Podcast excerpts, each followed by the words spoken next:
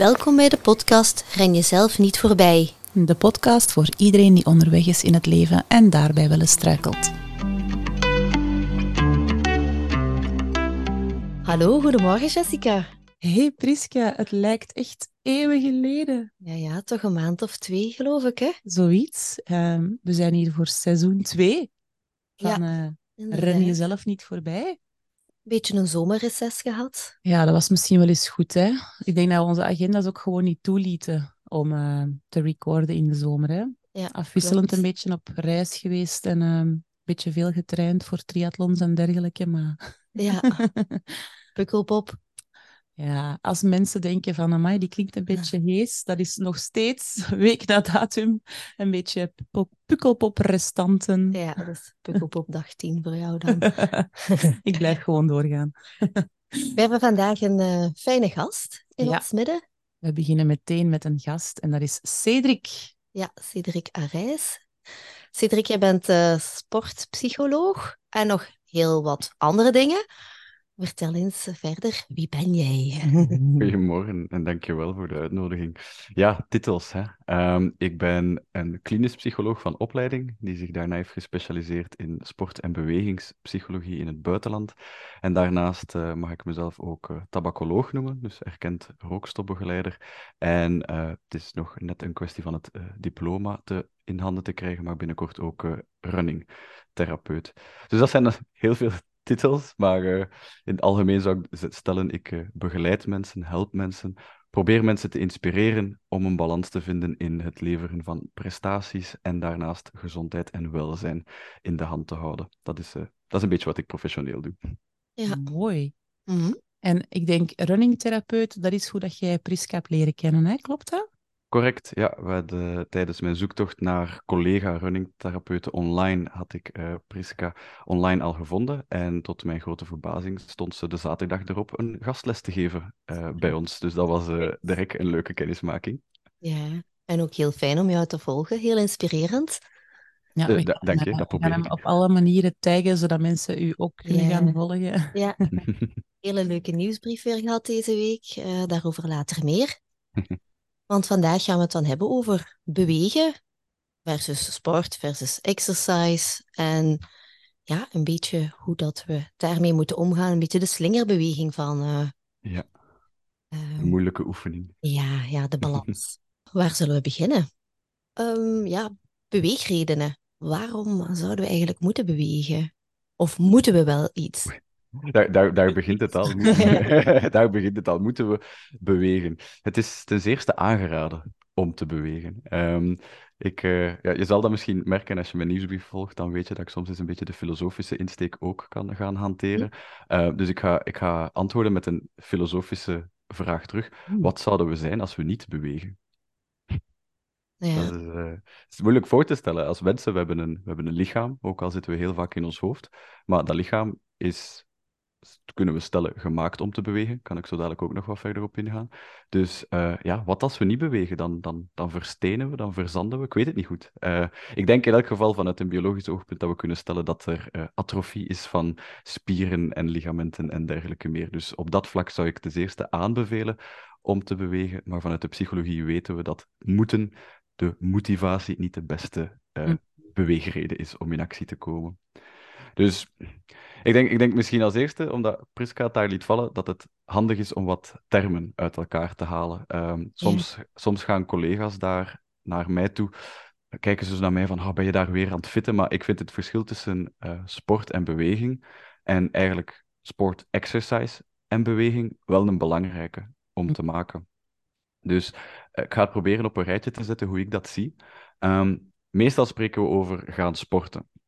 Maar in de definitie is sporten een georganiseerd spel met regels ehm, die mensen alleen of in teamverband doen om een bepaald resultaat te bekomen. Dus daar hangt vaak ook een competitief element aan. Om daarvoor te trainen, gaan veel mensen naast het beoefenen van hun sport nog wat extra doen. Dus bijvoorbeeld, stel dat je voetballer bent, dan is dat jouw sport. Maar veel voetballers gaan naast de trainingen op het veld met de bal ook nog daarnaast wat lopen. Dus die, dat lopen kan je zien als een vorm van training. Training kan je eigenlijk gaan veranderen naar wat er in het Engels exercise genoemd wordt. Exercise is bewegen met als doel de fysieke fitheid te gaan verhogen. Hm. Uh, dus er zijn ook heel veel mensen die niet sporten, maar wel trainen. Dan bijvoorbeeld naar, naar de fitness gaan of dergelijke. Um, nu, wat zijn daar de uitdagingen? Zeker exercise wordt vanuit uh, de medische wereld heel hard geframed als heel belangrijk voor het behouden van onze gezondheid. En exercise is medicine, dat klopt. Bewegen heeft tal van voorbeelden op fysiek en uh, mentaal vlak, zeker wel. Um, maar zoals zo vaak in onze maatschappij gaat dan iets heel instrumenteel worden. Mm. Je zou enkel gaan bewegen om dat doel van gezondheid te bekomen. En in onze maatschappij met social media en algemene media komt er dan ook nog een keer het lichaamsbeeld en lichaamsvorm bij kijken. Dus plots is bewegen en exercise um, iets dat je moet doen om een bepaald resultaat of lichaamsbeeld te behalen. En dat zien we dat mentaal niet altijd even goed aanvoelt of goed loopt voor de mensen. Vooral ook omdat, en dat is een onderscheid dat ik ook vaak maak, vanuit de fysiologie en de biologie weten we wat werkt, wat effectief is om sneller resultaten te krijgen, zowel op vlak van conditie als van uh, uiterlijk. Maar dat wil niet zeggen dat je ook daardoor je psychologisch daar goed bij voelt. Ik geef het voorbeeld van uh, het populaire uh, HIT-trainingen, high-intensity intervaltrainingen. Ja. Voor een beginnende sporter die van ver komt en niet die basisconditie heeft, ja, dan is dat gewoon afzien. Je moet je daar doorsleuren, je moet op je tanden bijten.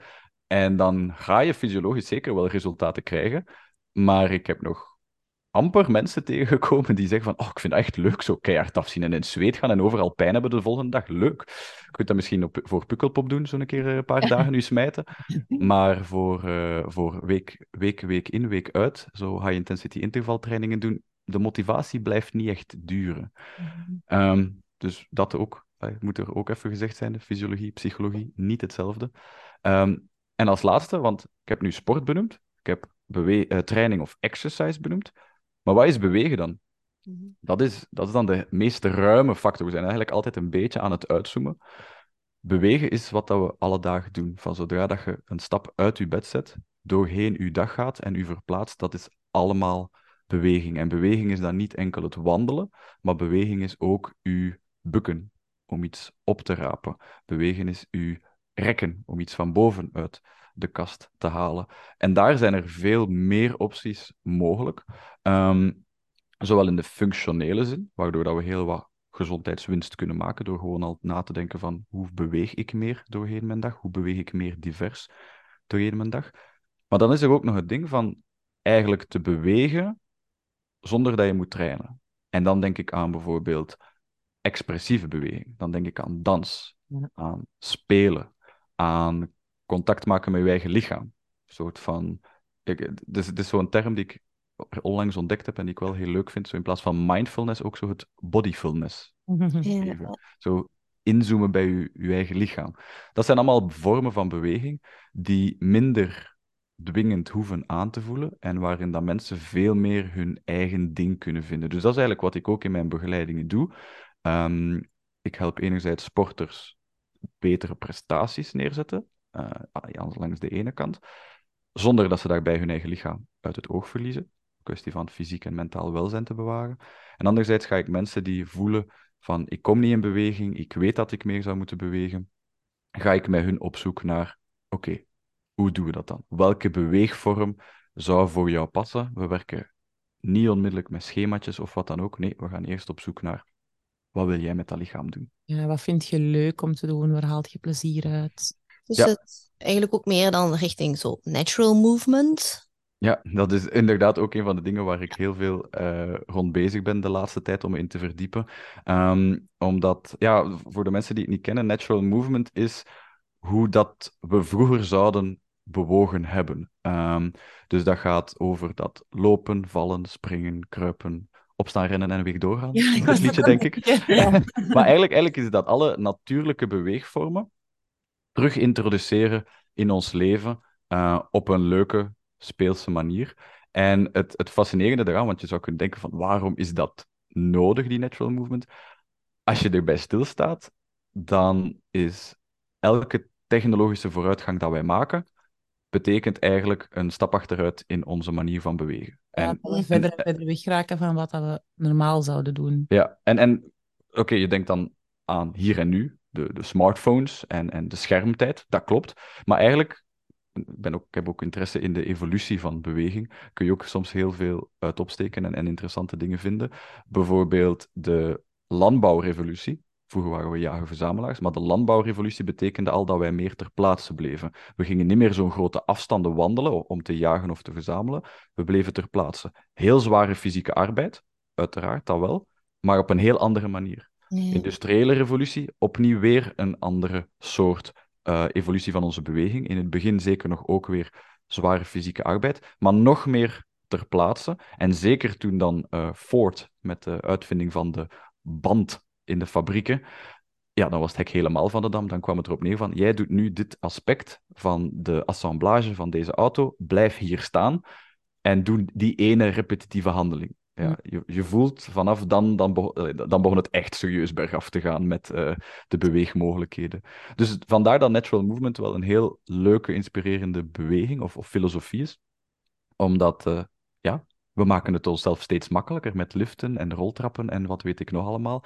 En begrijp me niet verkeerd, heel belangrijk voor mensen die minder mobiel zijn. We mogen deze mensen niet vergeten.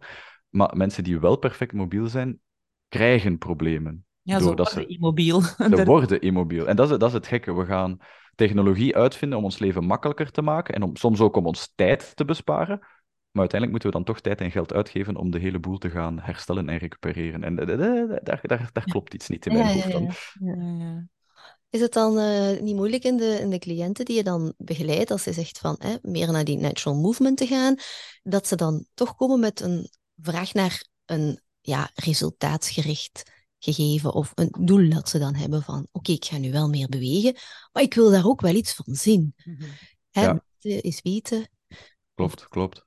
Eh, dat, zijn, dat zijn grote uitdagingen, waarbij dat we... En opnieuw ga ik nu, moet ik nu even meer de filosofische toer opgaan. Maar dat heeft heel veel te maken met hoe dat er naar niet enkel beweging, maar onze maatschappij in het geheel Ja. gekeken wordt.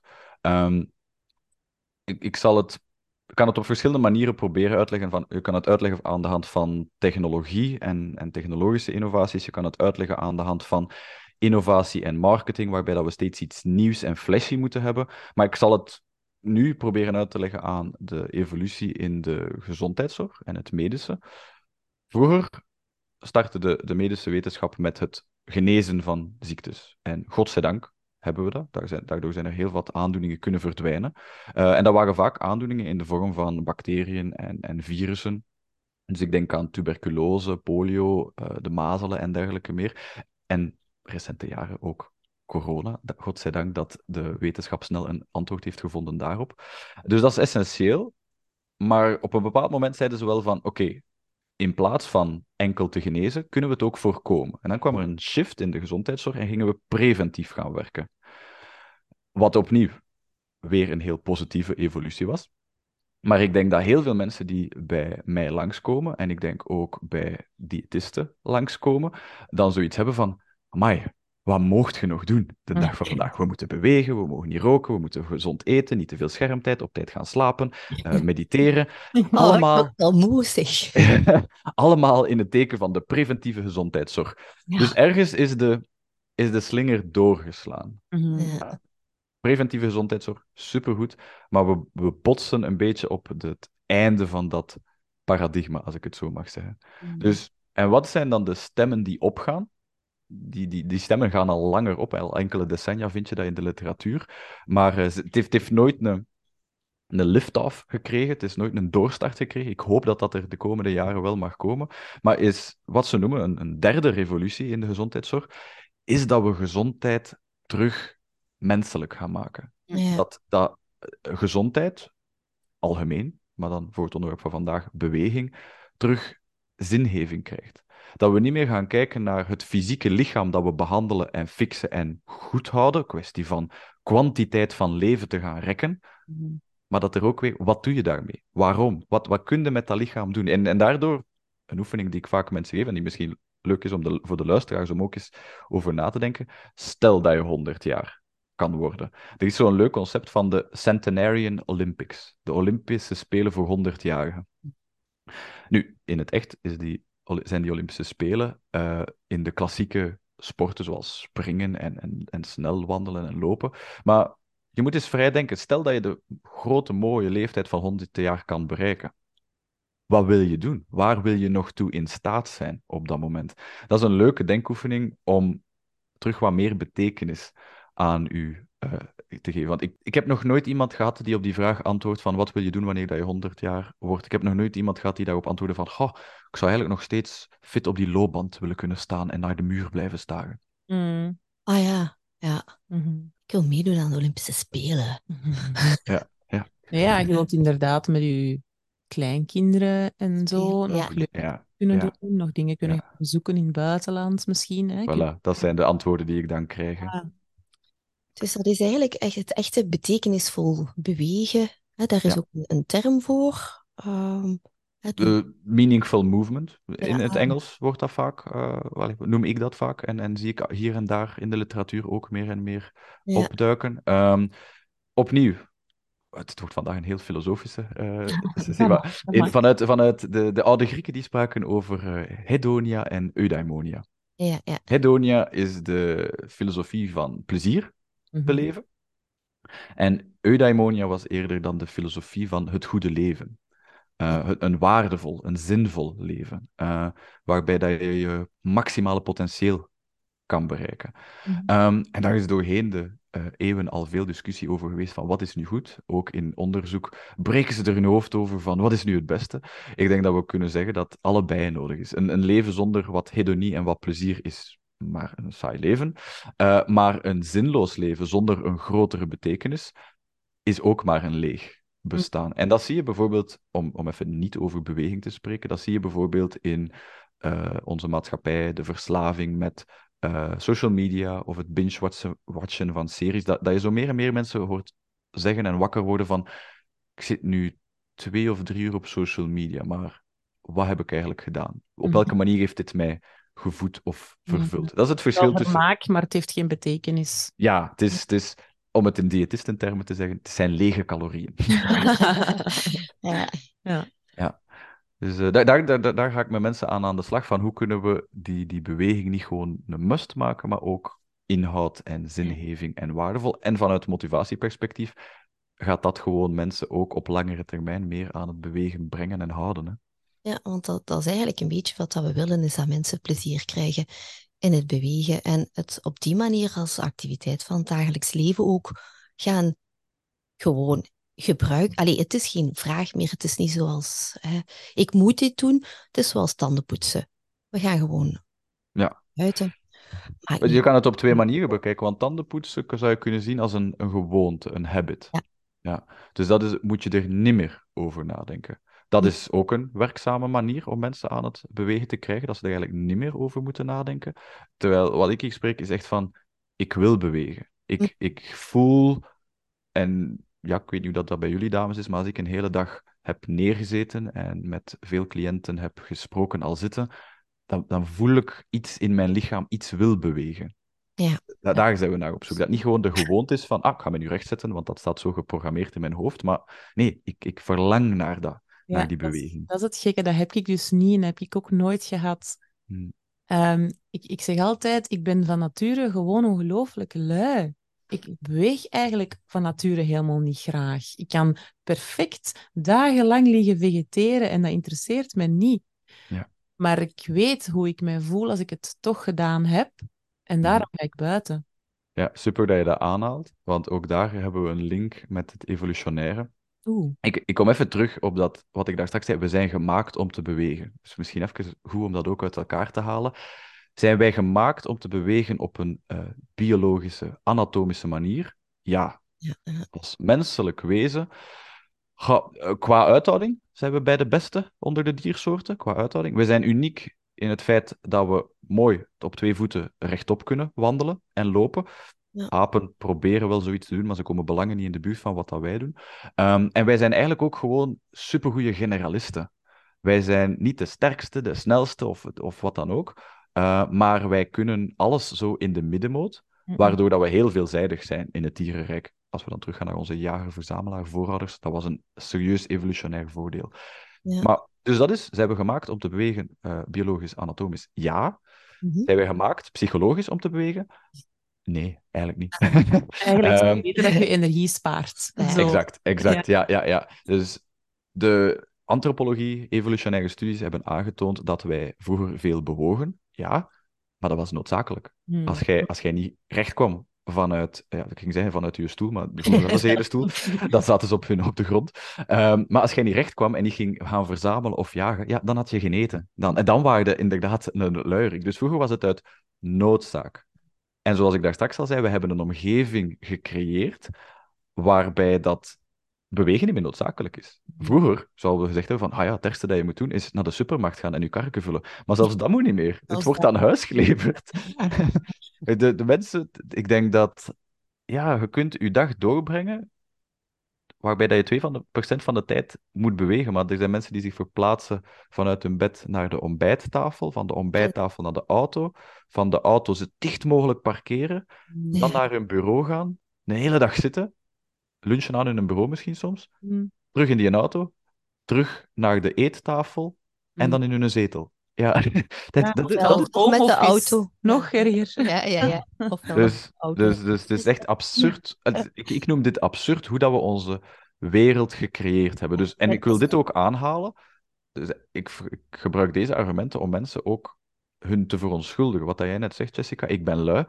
Ga, je bent geprogrammeerd om lui te zijn, enerzijds. Dus het is niet uw fout. Je bent niet mentaal zwak of je hebt een gebrek aan wilskracht. Dat zijn allemaal ideeën die leven bij mensen, dat ik probeer uh, uit hun hoofd te halen. En anderzijds is er de omgevingsfactor dat je ook niet in de hand hebt. We dragen daar allemaal wel ons steentje aan bij door het te kopen en te onderhouden en ondersteunen. Maar het is zo gegroeid. Um, is het dan enkel noodzaak om dat punt van het evolutionaire verhaal af te maken? Nee. En dan kom ik op wat uh, Priska al heeft aangehaald. Um, we zagen dat mensen vroeger ook gingen bewegen omdat het leuk was. Niet om bepaalde uh, dingen te tonen of te presteren. Dat is gaandeweg in onze evolutie ook wel opgedaagd met de, met de oude Grieken en de eerste Olympische Spelen en zo. Uh, maar eigenlijk gaandeweg deden we ook beweging voor fun. Um, in de vorm van spelen met onze kinderen. Mm -hmm. spelen was een, is in veel culturen nog een heel belangrijk deel van de opvoeding. Om ons te ontspannen, s'avonds bij het kampvuur, dansen. Dansen is een van de oudste mm. beweegvormen. Ik denk spelen en dansen, dat, dat je dat de oudste beweegvormen kunt noemen naast uh, wandelen en lopen. Um, en dan de rituelen en ceremonies. Mm. Ja, een dus... hele mooie documentaire om eventjes aan te halen. The Human Playground. Yes, ja, ken ik. Ja, fantastisch, hè? Echt. Heel, leuk, heel leuke dingen, ja. ja. En dan zie je dingen vandaag van mensen die, die, moesten, die denken er niet over na. Die, die, die bewegen gewoon. En, en het zou zo mooi zijn mochten we daar naar, terug naartoe gaan. Uh, ja. ik, denk, ik denk dat we niet... Want allee, ik denk dat soms is het verwijt van, ja, je wil terug naar het oude, zo'n beetje een romantisch gegeven. En ik denk, nee, ik wil mezelf niet, niet zeggen dat ik, dat ik zo het, het, romantische beeld heb van, ah, moderniteit is slecht en het, we moeten terug naar het oude. Nee, ik denk dat we gewoon moeten integreren. Technologie gebruiken waar het ons helpt, maar voor de rest even, ja, even ons verstand gebruiken en um, ergonomie gaan heruitvinden. Uh, niet meer om het allemaal comfortabeler en makkelijker te maken, maar gewoon dat we, zodat we ook gezond actief zitten en staan, bijvoorbeeld. Zo van die initiatieven hebben we nodig om het uh, op balans terug te brengen. Mm. Dus nu moeten we eigenlijk eventjes gaan rechtstaan natuurlijk. We zitten al een half uurtje, hè? Ah ja. En ondertussen ga ik mijn staanbureau omhoog doen. Voilà. Oh, ja, maar wacht. Staanbureau. Oh, we zijn hier oh. ver van de microfoon. Dat gaat niet meer. Ja, ik, ik kan mooi in beeld blijven staan. Jullie, jullie zijn nu weg van de microfoon. Ja, even voor de luisteraars. Die hebben geen beeld natuurlijk. Ja. Maar, uh, ja, even onze ruggengraat een beetje rekken en zo. uh, nee, maar uh, ja, zo'n initiatieven gebeuren natuurlijk ook. Hè, dat er dan op de werkvloer um, beweegsessies worden gegeven, achter laptop en zo. Ja, ja, ja. Ja, en zo het nudgen, hè, met zo lijnen op de grond uh, richting de trap in plaats van richting de lift. Dat alleen al doet mensen blijkbaar dan vaker de trap nemen. Ja. Of zo van die initiatieven waarbij dat ze muzieknoten op de trap ja, aanbrengen, dat zodat dat muziek maakt als je erover wandelt. Ja, ja, ja. ja. Dat is opnieuw, dat sluit aan bij de habit robotvorming van wat Priska eerder al aanhaalde. En ik zei het, voor mij zijn beide belangrijk. Enerzijds het gewoonte, gewoonte van maken, maar anderzijds het ook waarde gestuurd. Waarom is het voor mij belangrijk? En um, ik weet dat jij daar ook mee bezig bent, uh, Jessica, het uh, acceptance en commitment therapie of training, uh, de, de, het waarom van ons gedrag, om dat mm -hmm. zinvol te maken. Ik denk, we hebben de combinatie nodig, want in een ehm, bijna dystopisch beeld, maar als je alles in handen gaat geven van habit formation en, en nudging, ja, dan, dan zijn we robotjes die oh, geleid worden. Momentje, onze hond... Uh, die wil bewegen. Die wil, die wil bewegen. Ja, die lag hier net aan onze voeten. Maar die, was aan het slapen, een... maar die voelde een drang om te ja. bewegen. Honden zijn ook heel goed om, om in beweging te komen. Dat is ook be bewezen, natuurlijk. ja, doe maar verder. Maar ik, ik, was, ik was gewoon aan het zeggen in het ultieme verhaal waarbij dat je enkel zou vertrouwen op habits en nudging. Ik weet niet, voor mij voelt het een beetje als een robotverhaal. Ja. We, we, we, doen maar verder. Ah ja, maar wacht, het is mijn tijd voor mijn ja. 15 minuten bewegen en dan ga ik terug zitten en verder werken. Dat voelt voor mij voelt dat een beetje robotachtig aan. Ja, dat doet me zo denken aan het feit dat mijn Garmin om de zoveel tijd, net zoals nu zegt, beweeg. Ah, ja. Ja. Ook al heb ik vlak ervoor een marathon gelopen, toch zegt hij een half uur later, het is wel tijd om te bewegen nu. Hè. Technologie kan dus inderdaad maar zoveel doen. Het is een goede nudge, maar even van, ik heb, ik heb net gelopen, laat me even. Zo,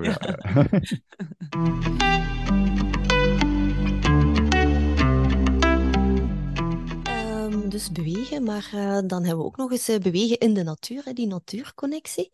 Yes. Uh, daar heb je ook wel een heel aantal interessante ideeën over. Ja, wel, de, het sluit opnieuw aan bij het evolutionaire denken. Teruggaan naar onze roots. Niet vanuit een, um, een romantisch gegeven van omdat het allemaal moet en mooier is, maar gewoon omdat we echt wel problemen zien omdat die connectie verbro verbroken raakt. Um, en dan, ja, dan, hebben we het over de ecologische crisis en dergelijke. De, ik geloof dat technologische innovaties ons heel veel gaan helpen, maar de beste strategie om mensen de natuur te laten appreciëren en redden, is om ze terug in contact te brengen met de natuur. Maar het is soms, in sommige steden, is het verzoeken naar een stukje natuur. Uh, en er zijn studies die aantonen dat mensen, wanneer dat ze bewegen in de natuur, dat ze het aangenamer, hedonie, hedonia, en ook zinvoller, waardevoller, eudaimonia, mm -hmm. vinden. Waarom? Wat zijn de theorieën daarachter? Uh, enerzijds omdat er meer uitdaging en stimulatie is. Ik, ik, heb, ik heb niks tegen fitnesscentra, mensen, laat dat duidelijk zijn. Dat, dat, daar, daar wordt, kan je goed begeleid worden door professionals, dus daar is niks mis mee, laat dat duidelijk zijn. Maar opnieuw, staand op een loopband of starend in een spiegel, eh, ja, op de duur ben je daar wel op uitgekeken. Of je gaat je gaan afleiden met beeldschermen, wat dat we thuis ook al zo vaak doen. Dus de natuur heeft gewoon meer input, meer nieuwe prikkels, waar dat ons hoofd echt wel nood aan heeft. Um, en anderzijds, de connectie met de natuur. Connectie is ook een beetje toch wel een belangrijk woord. Uh, connectie met ons lichaam maken, maar ook terug connectie maken met onze omgeving. En natuur is daar ook de ideale plek voor om dat te doen. Uh, los van bewegende natuur is gewoon aangetoond dat blootstelling aan de natuur, dus op een bankje zitten in de natuur, ook al heel veel positieve effecten heeft op het uh, mentaal welzijn. Dus ik, ik, probeer ze gewoon samen te brengen. Bewegen is gezond, natuur is gezond, bewegen in de natuur, supergezond. ja, win-win. Voilà. Ja, uh, je weet dat ik daar ook mee bezig ben, ja. met de buitengewoon beweegprogramma's. Dus trekken we gewoon, gewoon naar buiten en we bewegen mm. gewoon met heel veel spelelement. Maar nu las ik dan onlangs een artikel ook in de standaard. Yes, yes, yes. Onder andere ook over dat bankje zitten in de natuur. Ik dacht, ja, dat is gewoon mediteren, maar dat hoeft zelfs zo niet te noemen. Ga gewoon naar buiten, ga daar even zitten. Maar dat artikel zei, dat kost allemaal veel geld, gaan mediteren.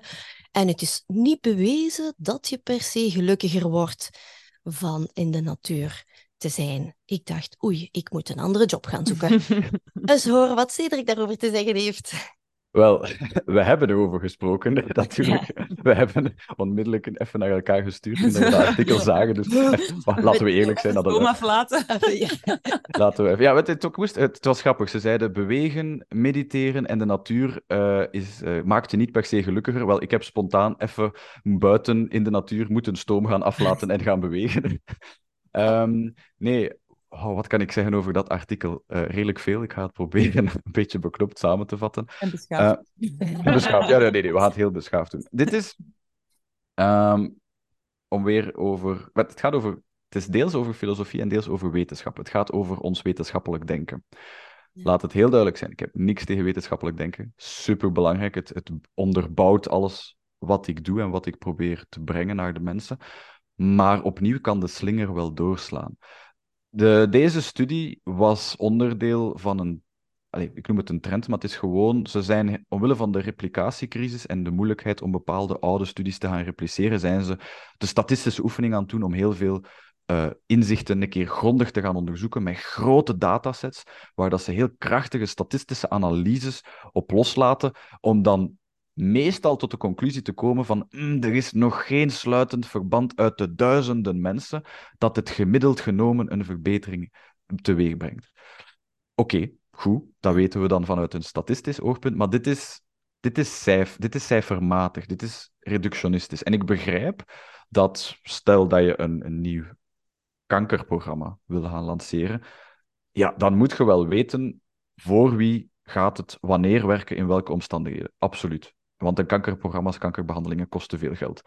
Maar ze, ze hebben deze manier van onderzoek doen toegepast op uh, mediteren, bewegen en de natuur gaan. Om dan ook te zeggen van, ah, het werkt niet voor iedereen. Wat ook klopt, om een heel concreet voorbeeld te geven, en ik denk dat wij het daar in het verleden ook al hebben over gehad, uh, uh, Priska. Voor sommige mensen terug beginnen bewegen in de natuur is wat angstaanjagend. Ja. Ze zijn zodanig gewoon om op de vlakke asfalt te lopen of op het mooie voetpad. Pas op, mooi voetpad Vlaanderen.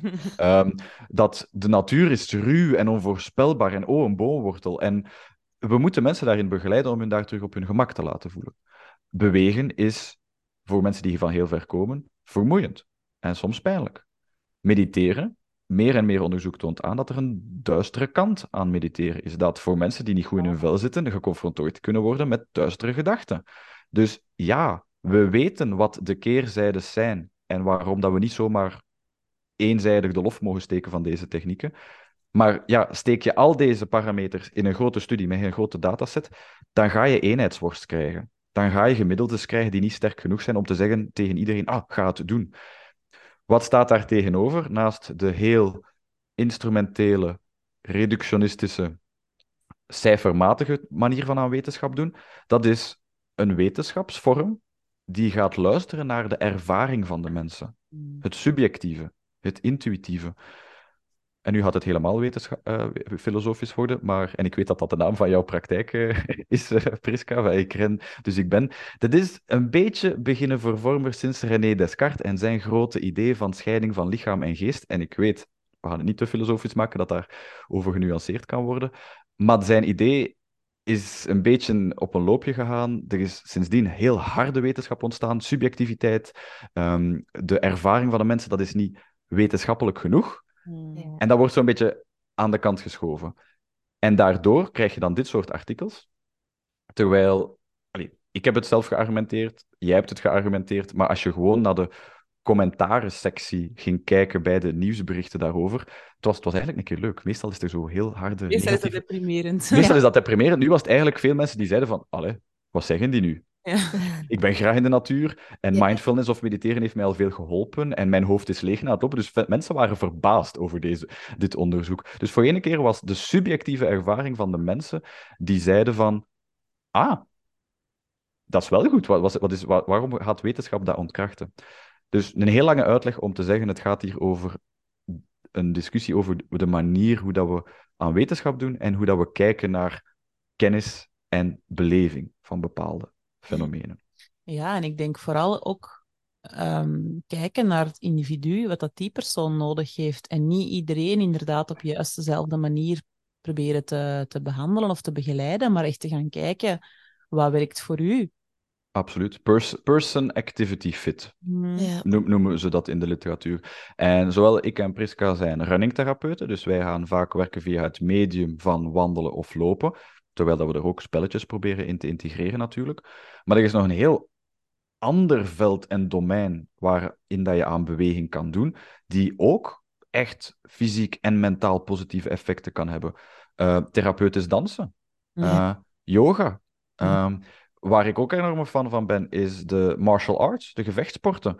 En dan zeker als er de, een beetje de filosofische component ook wordt bij betrokken van... Uh, de, ik, heb al vorig jaar met, met Judo Vlaanderen samengewerkt. En in het kader van een mentale leerlijn, hoe helpen we jongeren mentaal ontwikkelen doorheen de verschillende fases van hun judo-carrière. En Judo Vlaanderen was een van de enigste die ook in hun ontwikkelingsplan waarden had geïntegreerd. Manieren van zijn, van een goed leven leiden, van een goede judoka zijn. Ehm, mhm. en dat is niet, niet, niet per se uh, beschrijvend of belerend, maar eerder inspirerend van wat, wat maakt jou een goed persoon? En ik vond dat zo waardevol, daarmee dat ik ook durf zeggen van persoonlijke ontwikkeling via een fysieke sport als, als judo of andere uh, gevechtsporten. Super, dat, dat is ook goed. Moet niet, moet niet per se lopen of, of zo.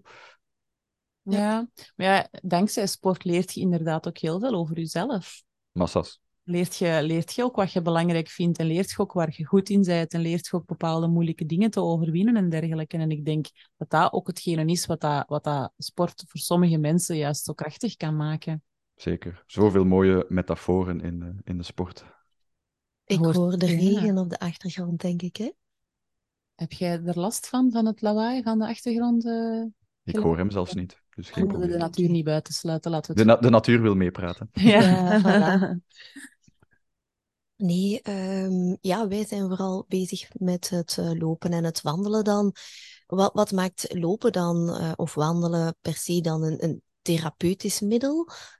Ja, um, wel, we kunnen het op twee manieren bekijken opnieuw. We kunnen kijken naar wat doet het fysiologisch met ons mm -hmm. en wat doet het mentaal met ons.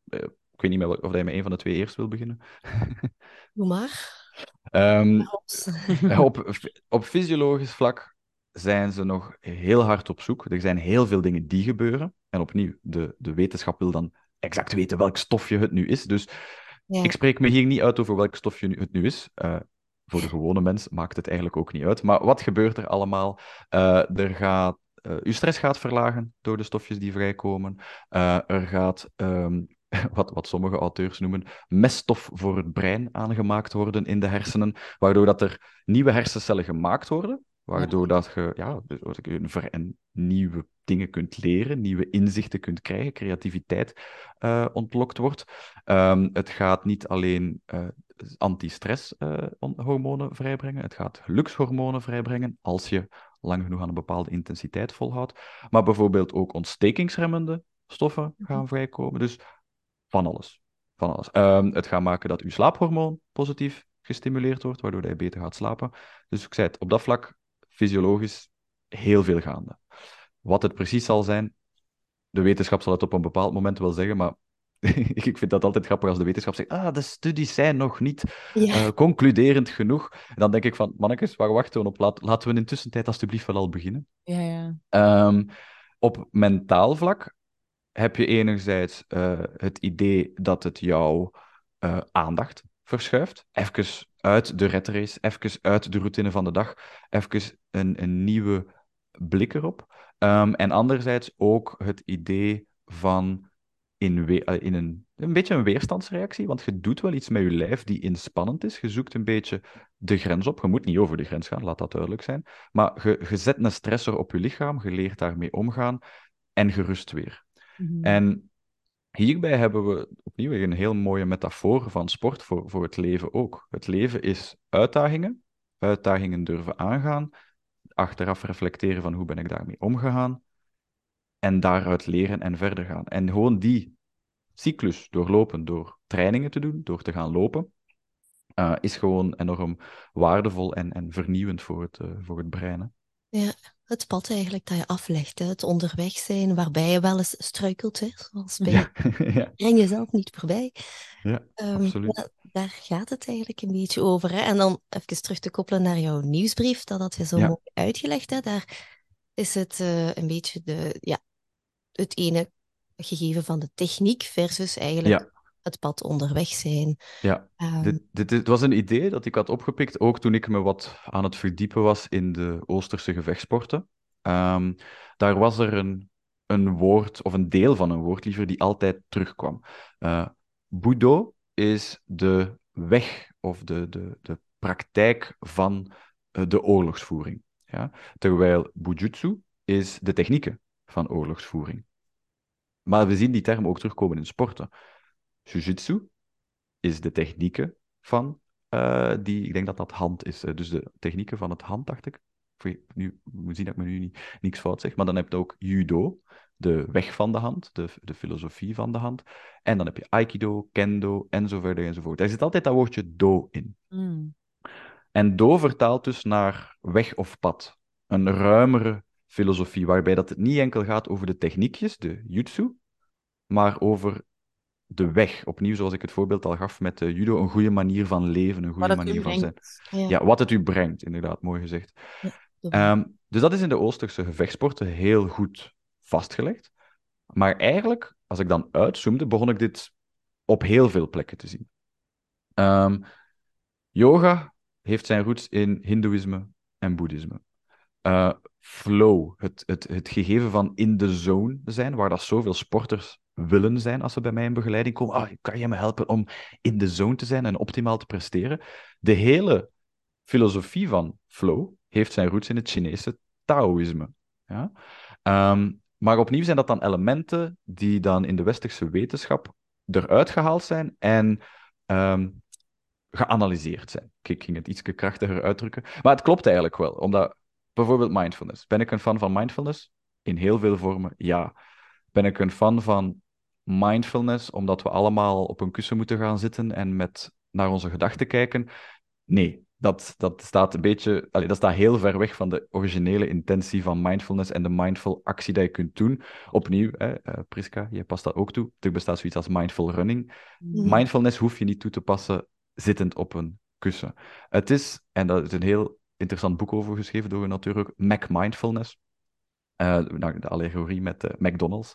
Uh, over hoe dat het gewoon een product is geworden. Ja, idem, idem een beetje voor yoga. Die gemakkelijk te, in te nemen, zo. Ja, ja een, een pilletje mindfulness of zo. Ja, En hetzelfde een beetje met yoga, die eigenlijk een heel rijke achtergrond heeft, maar dan nu voor velen zuiver een manier is om strakker te worden of leniger te worden. Dat is het ook. Maar er is zoveel meer. En ik zeg heus niet tegen iedereen dat ze nu boeddhist of taoïst moeten worden, begrijp me daarin niet verkeerd. Ehm, maar laat u inspireren. Wat zit er nog in? En dat sluit aan bij wat ik daar zei over die zingeving. Een, een, een laatste voorbeeld, om ook weer te tonen hoe dat we in onze westerse cultuur vaak de omgekeerde beweging maken dan ze vroeger in de Oosterse filosofie of Oosterse geneeskunde deden.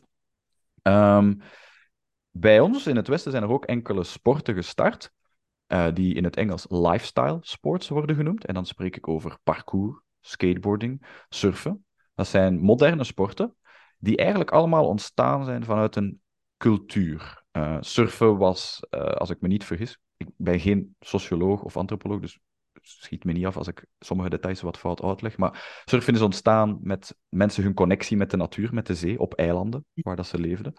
Um, skateboarden, parcours is ontstaan in de steden, van jongeren die zeggen, wij willen de stad terug wat van ons maken.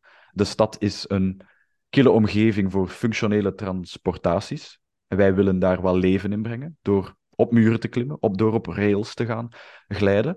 Um, snowboarden. Vroeger werden snowboarders de ratten van de skipisten genoemd. Skiën was goed, snowboarden waren... Dat waren wat, zitten die mannen met een plank hier te doen? Um, allemaal die sporten zijn ontstaan vanuit een cultuur, maar stuk voor stuk zijn ze allemaal ondertussen ook onderdeel geworden van de Olympische Spelen. Mm. Is dat slecht? Nee. Maar je ziet wel dat er soms wel wat spanning is tussen mensen die zo, ja, ik wil hier goed in worden, ik wil de beste worden, ik wil, ik wil prestaties bereiken. Prima, goed. Tegelijkertijd heb je ook een hele groep die zegt van, ik moet daar niet van weten. Voor mij is mijn community, de mensen rondom mij, merk op, community, zingeving, ben daar weer. Dat is voor mij het belangrijkste. Al die tierlantijntjes en regeltjes, alstublieft, stop ermee. Dus, je kunt op twee manieren kijken. Vandaar dat ik inderdaad in mijn laatste nieuwsbrief mensen wil uitdagen. Niet om te zeggen, adapteer een bepaalde filosofie, maar denk eens verder dan enkel de techniekjes die je aan het doen bent. Op welke manier is dit waardevol en zinvol in je ruimere leven? Ja. Ja, dat gevoel van vrijheid wat die beweging u geeft. Hè? Massas, oh ja. En connectie. Ik, ben, ik ben nu aan de Blister Sisters aan het denken. Ja, de community natuurlijk. Ja. En dat gaat ook over ja, vrijheid, samen zijn, connectie met de natuur, connectie met anderen. Zonder dat er echt iets moet. Toch? Eh, ja. Ja. ja.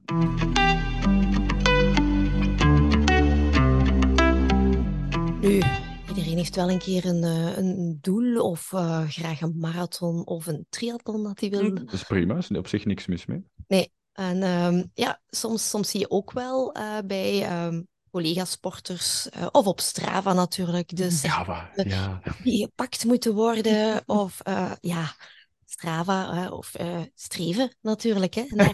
Ik had dat nog nooit zo bekeken, oh, eigenlijk. Ik had dat nog nooit zo bekeken. Strava is voor strevers. Oh. ja, daar, daar kan de, de slinger wel eens doorgaan slaan, natuurlijk. Er uh, zijn al ongelukken gebeurd omdat er fietsers een segment wilden pakken en mhm. de snelheid bergaf een beetje verkeerd hadden ingeschat. Ja, hoe gaan we daarmee op? Of hoe kunnen we bij onszelf herkennen wanneer slaat die slinger een beetje door van Oké, okay, Priska, je hebt nu dat en dat en dat gedaan. Je bent al buiten geweest met die cliënt en dat gedaan. Moet je nu eigenlijk nog gaan trainen voor jezelf? Uh, Of is er een interne stem die mij zegt van ja, zo gaat je er nooit geraken. Waar geraken? Waar moet ik geraken? Wie zegt dat ik waar moet geraken? Uh, het is de, zoals dat je zelf zegt, is de slinger die is doorgeslaan. Want opnieuw, ik ben, ben altijd iemand die naar beide kanten van zwart en wit kijkt. Ik zeg altijd, tussen zwart en wit zit geen grijs, daar zit een regenboog aan opties. Ja. Um, is Strava en smartwatches en zo nuttig? Yes. Als je op een wetenschappelijk onderbouwde manier wil bewegen en goede feedback krijgen over hoe dat je lichaam het doet en herstelt, super, prima. Um, maar wordt die data, die cijfers gekaapt door de nood om u te bewijzen, verder in de rat race van onze maatschappij opnieuw? Of wordt het verslavend, zoals dat we weten van social media, door likes te krijgen en oei, ik, ik, ben, ik sta niet meer aan top of the leaderboard, dan kan het gevaarlijk worden. En zo zie je, voor sommige mensen is dit ondenkbaar, maar beweging kan verslavend zijn. En dat heeft vaak daarmee te maken. Altijd harder, beter, sterker. Ik denk dat ook het uh, Kitius Altius Fortior, het uh, motto van de Olympische Spelen. Ja, ja dus het is, het is een mooi motto als je kijkt naar wat kan de mens potentieel bereiken. Maar ik zeg ook altijd tegen mensen die ik begeleid, dan de gewone sporters of de recreatieve sporters die daar een beetje in doorslaan. Um, je bent geen Olympische atleet, hè. je hebt daarnaast ook je job, je hebt een gezin. Ehm, kunnen, we, kunnen we de balans daarin in terugvinden? Um, en ik kijk dan ook even naar, naar Jessica, want we zijn nu over de cijfers van de, data op Strava bezig, maar het geldt evenzeer in hun voeding dan die er ook wordt uh, bij betrokken. Het moet perfect zijn. Er is geen flex psychologische flexibiliteit is zo belangrijk om hier goed mee om te gaan. Ja. ja. Eigenlijk komen we ja, altijd een beetje terug op die ja, ratio versus intuïtie. Hè? Ook wanneer dat je een smartwatch gebruikt, wanneer dat je gaat bewegen, um, ja, hoe je omgaat met Strava. Mm -hmm. um, ja, en dat is een beetje wat dat jij ook doet in, de, in, in, in je programma's, denk ik. Hè? Mm -hmm. uh, daar die balans in uh, proberen te vinden. Yes. Ja, absoluut. Ja. En, en dan is het, moet je, het is nooit het een of het andere uiterste. Um, het is, als je te extreem gaat in de technologie, de data en de wetenschap, dan is het reductionistisch in cijfertjes en is het niet meer echt menselijk. Ga je te ver in de intuïtie, dan loop je slachtoffer om een ongeleid projectiel te worden of u te laten misleiden door de next big thing, de nieuwste hype. Ah, dit zal het nu wel zijn. Terwijl, ja, om voorbeelden dan te geven, um, de, het nieuwste soort tape die beweert dat het uw spieren gaat herstellen. Of het gelletje, die ik weet niet wat gaat doen. Of, om een ouder voorbeeld te geven, die veel mensen misschien kennen, uh, die, die, die, die vlindertjes, dat je op je buikspieren kon zetten voor een sixpack te krijgen. Herinneren jullie dat nog? Oh ja, dat is zeker twintig jaar geleden. Dat is twintig jaar geleden, ja. Je zette gewoon een, een, een soort vlindertje met elektrodes op je buikspieren.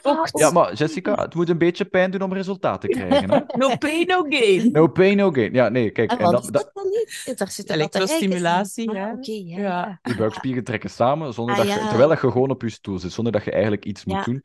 Um, ik ben blij dat, dat, ja, dat je dat tegenwoordig niet meer ziet, want dat was één, heel pijnlijk. En twee, de resultaten waren toch niet dat. Waarom? Omdat ook het hele idee van de natural movement er rond was niet aanwezig. Hè? Het was gewoon zittend, uh, zittend uh, een sixpack krijgen. Eh, mooie sales pitch. Goed voor de mensen die intuïtief, oh ja, dat wil ik wel. Maar nee, dan, dan ben je vogel voor de kat en dan laat je jezelf iets wijs maken. Dus die balans tussen wetenschap en intuïtie is heel belangrijk, inderdaad. Ja. Nee, um, we hebben nog vragen. Ja, misschien iets over uh, ja, nog zo'n term die vaak wel gebruikt wordt: embodiment. Ja. Um, dat is Embodiment. Ja, het is een term die ik ook onlangs, onlangs ontdekt. Ik heb er, ben er mij onlangs meer en meer in gaan verdiepen. Uh, dat is ook een beetje een persoonlijk traject. ik besefte, nu, hoe lang ben ik bezig? Bijna tien jaar als psycholoog. Uh, allerlei opleidingen, bijscholingen gevolgd. Maar dat is ofwel heel mentaal, aan de slag gaan met de geest en gedachten en zo. Um, en anders praten we wel over het lichaam, maar we doen er niet veel mee. Dus embodiment is zo gewoon, hoe zou ik zeggen, het is geen een tegenpool, want het staat niet tegenover elkaar, maar het is het terug samenbrengen. En opnieuw, dat is een beetje dus het probleem van René Descartes en zijn scheiding van lichaam en geest proberen oplossen. Gewoon embodiment, het, het belichaamde aspect, er ook terug gaan bijnemen. En um, hoe zie ik dat? Je hebt topsporters die om hun prestaties te leveren soms hun lichaam ergens door moeten sleuren. Mind over matter om die topprestatie binnen te halen. Daar is dat soms nodig, maar je kunt dat niet onbeperkt blijven doen, want dan krijg je blessures en dergelijke. Dus dat, daarom is dat voor mij eh, belangrijk om daarbij stil te staan bij, bij topsporters. Dat er ook wel die connectie met het lichaam blijft wanneer heb je rust nodig en zo. Anderzijds, voor de recreatieve sporter, die gaat denken van, ah ja, ja, ik moet iets met mijn lijf doen. Dat, dat zit hier maar, ik ben lui, hè, zoals uh, Jessica al liet vallen. Uh, ik moet daar iets mee doen. En ze sleuren hun lichaam erdoor. Maar wat ben je dan aan het doen? Dan heb je een lichaam dat je, dat je dwingt om iets te ondergaan in functie van betere prestaties of een mooiere figuur dat, dat, dat, dat wringt ook een beetje. We, we hebben niet gewoon een lichaam, we zijn ook ons lichaam. En daarover gaat embodiment. Hoe kunnen we, opnieuw, het woordje is daar weer, in connectie met ons lichaam, um, in beweging zijn. En op die manier ook ontdekken wat daar goed aan voelt. Um, om een heel concreet voorbeeld te geven, uh, een man die ik begeleid of begeleide via wandelsessies, uh, in kader van stressmanagement en burn-out, Um, die begon aan de wandelsessie en ik moest hem ik moest bijtrappen om hem, om hem bij te benen. Hij ging er gewoon als een speer vandoor. En hij was zijn verhaal van de, van de week aan het vertellen en dit en dat was gebeurd. En gewoon de interventie van, wacht, voordat je verder babbelt, kunnen we even vertragen en kun je eens even voelen wat dat, dat doet met je lichaam. Mm Ja. je, kunt nu denken van, ah, word je, word je daarvoor betaald om zo'n interventies te geven? Maar dat maakte zo'n wereld van verschil voor die mens, dat hij voelde van, oh, ik vertraag, mijn lichaam vertraagt, mijn geest vertraagt. Ik zie dingen helderder. Ik, zie, ik, ik zit niet gewoon mijn gal te spuwen, mhm. maar ik zie ruimte ontstaan om op andere manieren naar dit probleem te kijken. Gewoon omdat we tempo wat vertraagden. Dat is een specifieke vorm van embodiment, maar de wereld van embodiment is zo groot. Opnieuw, dans, yoga, um, lichaamsgerichte psychotherapie, lichaamswerk. Ja. Ik, denk ik aan... juist zeggen, zelfs de houding waar mensen mee zitten soms. Ja, ja, ja. Dat is wel heel veel, hè? Ja. Opnieuw, opnieuw een heel mooi voorbeeld. Onlangs ook nog, nog een keer mij overgebogen, omdat uh, power poses, dat mhm. is een, een onderzoeksveld geweest. Uh, ik ben de namen haar dames kwijt, maar als je power poses intikt op Google, vind je het wel. is ook zo'n typisch verhaal van wetenschap versus intuïtie. Heel veel mensen hebben sinds, uh, misschien eerst even uitleggen, power poses zijn houdingen die je kan aannemen, die je meer zelfvertrouwen of een gevoel van kracht zouden geven. We gaan ons hier eens een keer deftig achter ons scherm zetten. dat werkt meteen als je het al zegt. Hè? Wel, wel. En, en dat is het. Dus subjectief, intuïtief hadden veel mensen er zoiets aan van, ja, wacht, het is niet enkel mijn geest die mijn lichaam gaat beïnvloeden, het is ook, ik kan met mijn lichaam ook mijn geest gaan beïnvloeden. Mhm. Veel mensen hadden hier iets aan en gingen daar bewust aan werken. Ik heb het zelf ook toegepast met mijn sporters achter de startblokken. Bijvoorbeeld um, zwemmers die ineengebogen staan, terwijl dat de andere zwemmers daar grote zwaaibewegingen en opwarmbewegingen aan het maken zijn. Ze voelden zich klein. Dus ik werk met hun rond die embodiment in hun lichaam staan van hey, je gaat zo dadelijk in dat water duiken, je gaat je groot maken, je gaat grote slagen maken. Probeer dat ook al eens op het droge, achter je Starbucks. Ik ben zelfs een beetje mee aan het doen ondertussen. Ja, ja, ja. ja. Eh, toegepast voor jou in de triathlon, inderdaad, voor de massastart. Je kunt je daar heel klein gaan voelen, van ik ga hier meppen krijgen. Versus je kunt proberen nu plaats... ik, ga, ik, ga, ik, ga, mijn plaats hier innemen, voilà. Dus intuïtief hadden heel veel mensen iets aan dit onderzoek rond de power poses. Maar wat is er nu gebeurd? Opnieuw, uh, harde wetenschap met de grote, sterke statistische analyses conclusie was geen sluitende effecten voor ja, het gemiddelde. Gemiddeld gezien niet sterk genoeg om hier een effect aan toe te schrijven.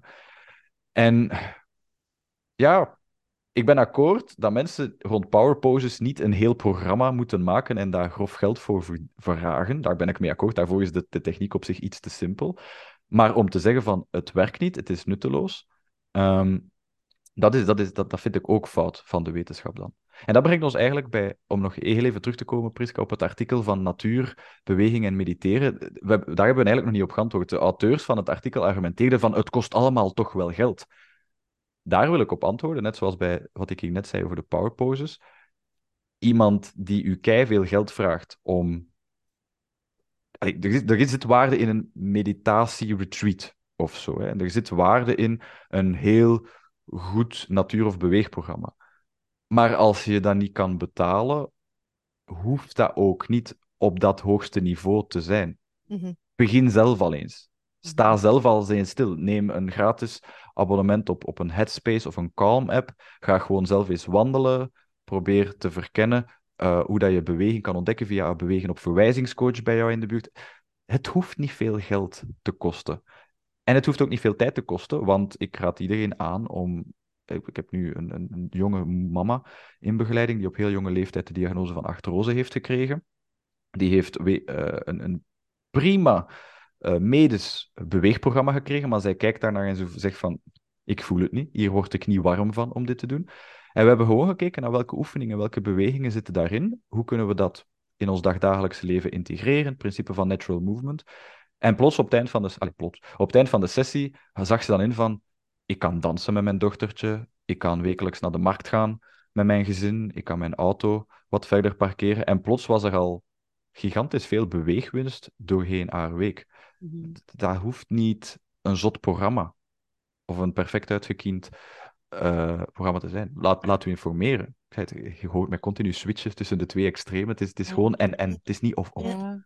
Maar ja, ik, ik, ik ga, ga nu even terugkoppelen naar voeding ook. Hè. Mensen vragen heel vaak een, een voedingsschema waarin dat exact staat hoeveel en wanneer wat eten. Ja. En dat ik ook zeg van, maar ik doe dat niet. Ik ga je principes uitleggen en ik mhm. wil dan dat je gaat experimenteren en dat je gaat ervaren, als ik dat of dat eet, hoe voel ik mij vervolgens? Meteen mm daarna, een half uur daarna, twee uur daarna. En trek daar je conclusies uit en probeer echt in te stemmen op wat je lichaam u nog vertelt. Want het vertelt u heel veel, maar je moet er terug naar leren luisteren. Ja, en dat brengt ons, en dat is misschien een interessante voor de, zowel voor de luisteraars, maar ook voor mocht er een andere gezondheids- of beweegexperts aan het luisteren zijn. Hier zitten we met een uitdaging. Mm. Ik, keer even terug naar onze revoluties in de gezondheidszorg. De medische wetenschap kon genezen. De arts is de expert om iets te genezen. Sinds de preventieve gezondheidszorg, de revolutie daarvan, zijn er veel meer facetten bijgekomen, maar is, zijn er ook veel meer experts bijgekomen. Ja. Een diëtiste die gaat zeggen hoe dat we moeten eten. Een psycholoog die zegt hoe dat we moeten denken. Een beweegprofessional die zegt hoe dat we moeten bewegen. Enzovoort, enzovoort, enzovoort. Er zijn massa's experten. Dit is tegelijkertijd waardevol, maar ook een valkuil. Waarom? Omdat mensen zijn geëvolueerd dat ze de antwoorden verwachten van de expert. Ja. Zeg mij wat ik moet doen. Geef me de magische pil. Geef me het voorschrift. En als wij, en, want ik, ik deel jouw mening volledig, Jessica, als wij dan afkomen met ik ga u helpen nadenken, ik ga u helpen op zoek gaan naar wat dat werkt voor u, ik geloof 100% in die filosofie van gezondheidscoaching of gezondheidsbegeleiding. Alleen, en ligt dat aan de mensen zelf? Nee, dat is ook hoe dat de maatschappij gevormd is met alles snel te hebben, met een snelle klik online, bol.com en het is besteld en het is binnen. We verwachten een quick fix. We worden vanuit de... Allez, om even misschien grof te zijn als sommige mensen, vanuit een marketingstandpunt wordt het ook zo verkocht aan mensen. Kom bij mij en je zal beter zijn. En dan blijkt van, ah, oei, het, is toch, het heeft toch niet zo goed gewerkt. Ga toch zelf iets voor moeten doen? Of ga toch zelf iets moeten doen. Dus wanneer dan wij dan afkomen met, ik ga met u in een proces op zoek gaan, hmm. oei, dat gaat tijd en moeite kosten en daardoor misschien ook wat extra kosten. Ja. Dat, dat, dat, dat, dat strookt niet goed met het marketinggegeven van, de, van deze maatschappij en van de gezondheidszorg, maar ik sta wel 100% achter die methode, omdat dat het enige is die echt op lange termijn kan blijven werken. Nu, als mensen dat aan mij vragen en ik, ik zeg, ik leg uit dat ik dat hè, niet doe, dan vraag ik vaak, heb je zo eens een keer een schema gevolgd? Ja, ja, ja, ja. En hoe goed heeft dat gewerkt? Goed. Ja, goed, want ik ben toen afgevallen. Ja, en toch zit je nu terug hier. Ik dus heb, ik heb, ja, ik heb, ik heb absoluut dezelfde ervaring met mensen die naar de, de fitness zijn gaan. En opnieuw, ik heb niks tegen fitness, laat je goed begeleiden. Maar er zijn fitnesscentra, en ik ga geen namen noemen, maar waarbij dat je binnenkomt, een abonnement betaalt, misschien een schema krijgt en dan laten ze u aan, uw lot over. En dat is toch de verantwoordelijkheid van de mensen zelf om te gaan bewegen. We gaan hun handje toch niet vasthouden. Zo, de verantwoordelijkheid bij het individu leggen, om dan te zeggen van, ja, het is niet gelukt. En het is zo dat we ook wel die, dat idee van schuld, schaamte, ik ben lui, het ligt aan mij, ik heb niet genoeg discipline, in de hand werken. Ja. En, en dat, zijn we vanuit het psychologisch oogpunt gewoon fout bezig en zijn we mensen niet aan het helpen om een liefde voor beweging of een liefde voor gezonde voeding of een liefde voor gezorgd dragen voor jezelf in het algemeen. Ja. We zijn het niet aan het stimuleren dan. Ja, want daar gaat het over eigenlijk. Hè? Ja, liefde voor jezelf. Zowel in uh, ja, voeding als in bewegen. Um, het is eigenlijk een soort van mindset, zou je dat mogen zeggen? Ja, mindset met embodiment. Dan ja, ja. een beetje bij. Eh, maar um, ja, vaak komen de mensen wel in eerste instantie omdat ze zeggen: Ik moet een stok achter de deur hebben en jij zijt mijn stok achter de deur. En ik, ik ja. zeggen van: hm, Ja, ik begrijp dat wel. Maar het is wel de bedoeling dat je eigenlijk op termijn mij niet meer nodig hebt. Uh, daar gaan we naartoe werken. Ik werk heel graag met metaforen. Veel van mijn metaforen komen dan ook uit de sport of de natuur. Dit is er eentje uit de natuur. Dit soort motivatie is voor mij de tondel om een vuur aan te steken. Mhm. Dat is een felle vlam. En hup, de, de, boel is in gang. Ja, we zijn vertrokken, we hebben een schema, we zijn weg, we zijn weg. Maar net zoals bij een tondel moet je maken dat er ook wat ander hout bij ligt dat vuur vat en dat kan blijven branden. Mhm. Die, die quick fix, en ik heb nu een prima schema, er is een coach die mij aan het begeleiden is en ik zie het helemaal zitten, dat is goed voor even. Ja. Vanuit psychologie weten we dat we moeten gaan naar ook meer vormen van intrinsieke Mhm. motivatie of, of waarde waarmee dat je kunt identificeren dat het nuttig is voor u. Anders gaat uw vlammen kunnen uitoven. Ja, inderdaad. Ja. En, en, en wat kan dat dan bijvoorbeeld zijn op vlak van beweging? ik, ik, ik, wat ik ook vaak met mensen nu vraag is: oké, ze willen er beter uitzien, ze willen een paar kilo's kwijt. Maar waar ik met hun naar op zoek ga, is ehm, in het Engels uh, body functionality, lichaamsfunctionaliteit. Uh, wat kan je met dat lichaam allemaal doen? Mhm. En veel mensen verschieten ervan. En, en, en dan ontstaat er ook zoiets van dankbaarheid. Van wat kan mijn lichaam eigenlijk allemaal doen? Wat laat mijn lichaam mij, mij allemaal toe? Oké, je gaat misschien niet allemaal de Mont Ventoux kunnen opfietsen of zo. Of een triathlon beëindigen. Maar uw lichaam laat u toe om u te verplaatsen, te wandelen. Maar ook om te, te knuffelen met de mensen die je graag ziet. Te spelen met uw kinderen. Uh, te vrijen met uw partner. En zo verder enzovoort. Dat is ook een onderdeel van embodiment, om ons lichaam ook op die manier te gaan zien, ja. begrijpen en mee samenwerken. Want als je je lichaam op die manier kunt bekijken, dan voelt het onmiddellijk ook een pak vreemder aan om het door een workout te sleuren en zeggen van, allee, waarom, kun, waarom wil mijn lichaam nu weer niet mee? Ah, oh, dat lijf van mij toch. Dat, dat is geen goede relatie. Ja, ja, ja. Ik denk dat we op heel veel vlakken dezelfde filosofie hebben, ook al is een insteek in bij u uh, meer beweging en bij mij meer voeding, maar... Mhm. Absoluut. Ja. Absoluut.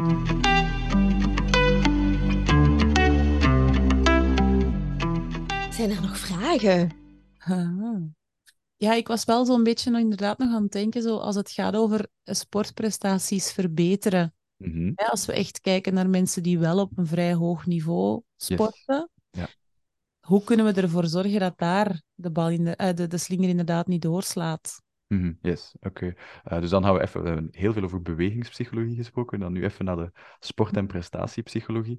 Um, opnieuw, ik, ik heb op twee niveaus dat ik daarmee kan aan het werk gaan. Hebt het uh, niveau van de, de jutsu, van de technieken, dus ik kan mentale vaardigheden aanleren, maar ik doe dat ook op niveau van de do, dao, de, de weg of de filosofie. Um, en ik zal proberen van ruim naar, naar smal te gaan. De ruimere zin is uw why. Mhm. Waarom? Zeker bij topsporters. Waarom traint jij zoveel uren? Waarom ziet jij zoveel af? Zorg dat dat daar nog is. En eh, een aanmeldingsreden waarom dat veel sporters bij mij komen, is omdat ze het niet meer weten. Mhm. Ja, ik, ik, ik ben begonnen als kind en dat was tof. En dan was ik plots goed. En nu sta ik hier op dit niveau. Maar ik weet niet meer waarom dat ik het doe. Ja, en ik weet wel wat ik wil. Ik wil dat volgende doel. En dan waarschijnlijk een nieuw doel. Maar wat dan? En dus ik, ik ga eerst en vooral aan de slag met uw why, uw waarom, terug die zingeving, die betekenis. Dat is de eerste stap. En soms stoppen ze dan misschien.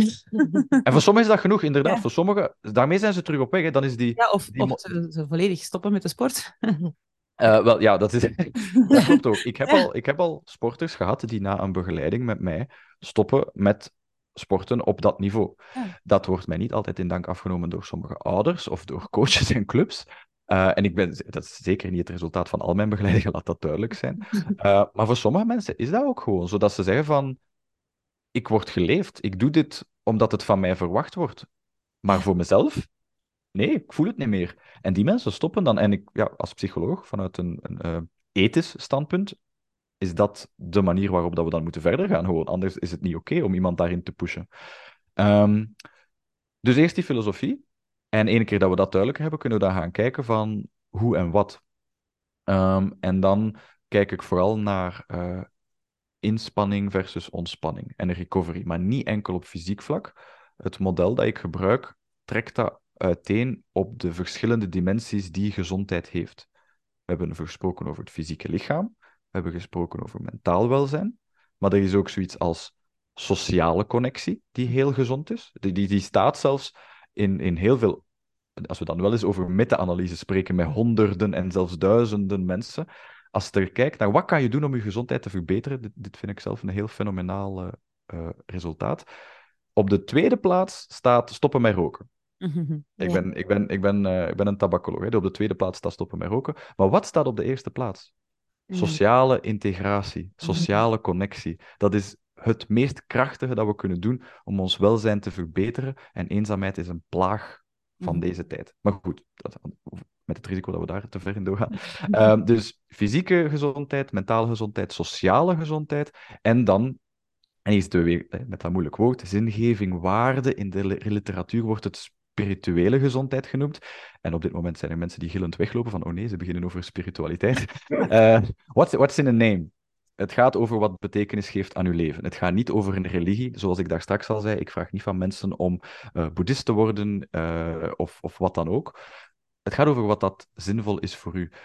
Op die vier niveaus praat ik met mijn sporters over wat geeft u energie, wat mm. kost u energie. En dan gaan we daarmee spelen. En dan gebruiken we de, de metafoor van sportopzicht getraind. En dan moet je dat lichaam laten rusten. En dan ontstaat er supercompensatie, waardoor dat je beter kunt worden. En ja, opnieuw, dit is niet wetenschappelijk zo eh, bewezen, wel op fysiek vlak. Uh, supercompensatie is een uh, principe uit de trainingsleer. Maar we kunnen dat ook toepassen op het mentale, het sociale en het spirituele. We gaan inspanningen leveren en rusten, waardoor dat we flexibeler zijn in onze gedachten, waardoor dat we langer focus kunnen houden, waardoor dat we weerbaarder zijn tegen negatieve invloeden op ons. En dat we weten waar dat we onze sociale batterij kunnen opladen. Soms met andere mensen, zo ja, met wie. Soms ook door even alleen te zijn. Het is een verschil tussen eenzaam zijn en alleen zijn. Alleen zijn kan positief zijn om je batterij op te laden. Um, en dan, ja, de, de why, dat is, dat is de speciale. Die werkt niet volgens energie geven en nemen. Dat is allebei tegelijkertijd, want je bent met moeilijke thema's bezig. Uh, wow. Oh my god. Sorry, een bliksem die precies... Wow!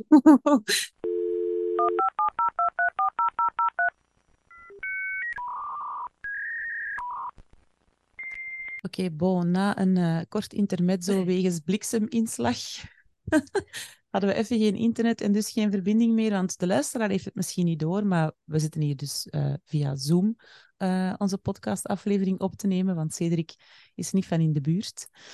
Maar dus, we zijn terug en het ging over de why. Moeilijke thema's, zei hem nog, en toen viel alles uit. Yes. Even proberen inpikken. Ja, dus, dus die laatste component van, van energiegevers en energievreters is, is, een, dus een moeilijke, is de meest abstracte, omdat het gaat over uw waarde en uw zingeving.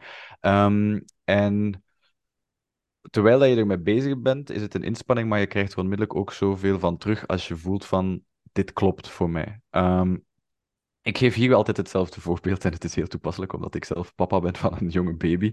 Uh, als, als we de drie daar, dat ik net heb opgezomd even op een rijtje zet, um, de fysieke, mentale en sociale energiegevers en vreters. Ik heb slapeloze nachten. Uh, dus het is al beter, maar ik heb veel slapeloze nachten. Uh, mentaal veel zorgen, veel nieuw als je zo'n baby in huis hebt. En sociaal leven, ja, dat is toch ook niet hetzelfde als je met een jong kind in huis zit. Dus alle drie die parameters van uw gezondheid die gaan naar beneden. En dat is ook in onderzoek aangetoond dat jonge ouders het vaak moeilijk hebben. Waarom doen mensen dat dan toch? Wel, Daar, daar zitten we bij dat laatste component, hè, dat, dat, dat spirituele, dat zingevende. Iets doorgeven aan uw kinderen, zorg dragen voor kinderen, iets nalaten van uzelf. En zo houden wij ouders dat, uh, dat vol. Hè. dus dat is het voorbeeld dat ik altijd geef om, om proberen duidelijk te maken aan, aan mensen die zelf kinderen hebben of wensen natuurlijk, um, hoe, dat, je, hoe dat, dat een impact kan, uh, kan hebben. En dat vertaal ik naar de sporters toe. Ja. Mooi. Ja, ik Daar is vond over nagedacht. Ja, ja. Ja, want ja, iedereen kan zich daar ook wel in vinden of kan daarmee mee verbinden met eh, ja, wat je nu vertelt. Als, allee, dat is geen metafoor zelfs, dat is gewoon het leven zelf. Hè? Eh, een jong kind in huis, maar we hebben goed nieuws voor jou. Het wordt beter hoor.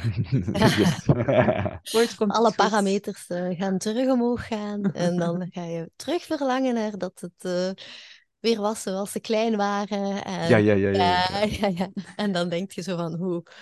hè, die slapeloze nachten, zou je daar dan naar terug willen? Of dan denk ik, oh, was hij nog maar zo klein en nu gaat hij net middelbaar. Ja, ja. Hij is wel klein en schattig nu, dat is waar. Ja, oh. Nee, heel fijn. Eh, ik heb hier heel veel opgestoken. Mhm. Ik heb het al eens gezegd. Zo, ja, de dingen die ik dan heb ontwikkeld, dat is eigenlijk zo redelijk intuïtief gegaan. Eh, wel, ja, dat is wel gedeeltelijk eh, ja, wetenschappelijk onderbouwd. Maar ik vind het heel fijn dat ik dan van jou die input krijg. En ik dan hoor van, ah, oké, ik doe dit eigenlijk. Ah, en we noemen dat dan playfulness. Ah, ik doe dit bijvoorbeeld. En we noemen dat embodiment. Eh, dus ik krijg zo ja, wel heel veel ehm, toffe inspiratie van jou. En dat vind ik heel fijn. En dat geeft me ook wel een beetje goede moed. Zo van, ja, ik geloof erin en ben wel oké onderweg. Gewoon, ja. Je bent Ja. zeker goed bezig, geen zorgen. Ja, dankjewel voor deze boeiende aflevering. Ja, altijd fijn om zo bij te leren en te luisteren. En ik vind ook de podcast, ja, dat is zoiets, eh, ja, dat ge- geeft een beetje persoonlijke groei. Zo, hè. Ja, ik ben wel blij dat we terug begonnen zijn. Zo. Ja. Het, eh, het was wel handig om even dat niet meer te moeten doen, maar ik ben ook wel heel blij dat we er terug mee begonnen zijn. Ja. En Cedric, als je ooit zin hebt om een eigen podcast te beginnen, natuurlijk, eh, ja. Die plannen zijn er. zo. Eerst, Ja. eh, eerst, eerst, tijd, eerst eh, tijd vinden. De... Ja. Maar er zijn, er, zijn er zijn plannen voor een, eh, een podcast. eh, En dan, zal ik, dan ga ik de uitnodiging in omgekeerde richting doen. super, dan heb je al twee luisteraars, hè. ook al.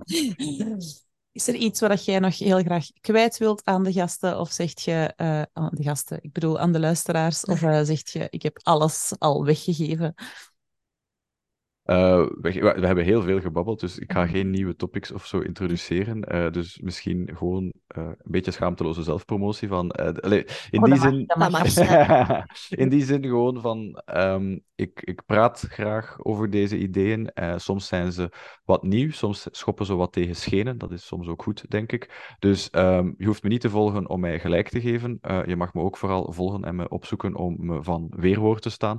Dat ontwikkelt mijn filosofie en mijn denken ook altijd. Dus eh, mensen kunnen me vinden online, op social media of op mijn gewone website, cedricares.com. En dan eh, kijk ik er naar uit om van eh, mensen te horen en nu dat zij dit zien. Ja. Kijk hoe. Alright, dankjewel. En eh, ook aan onze luisteraars.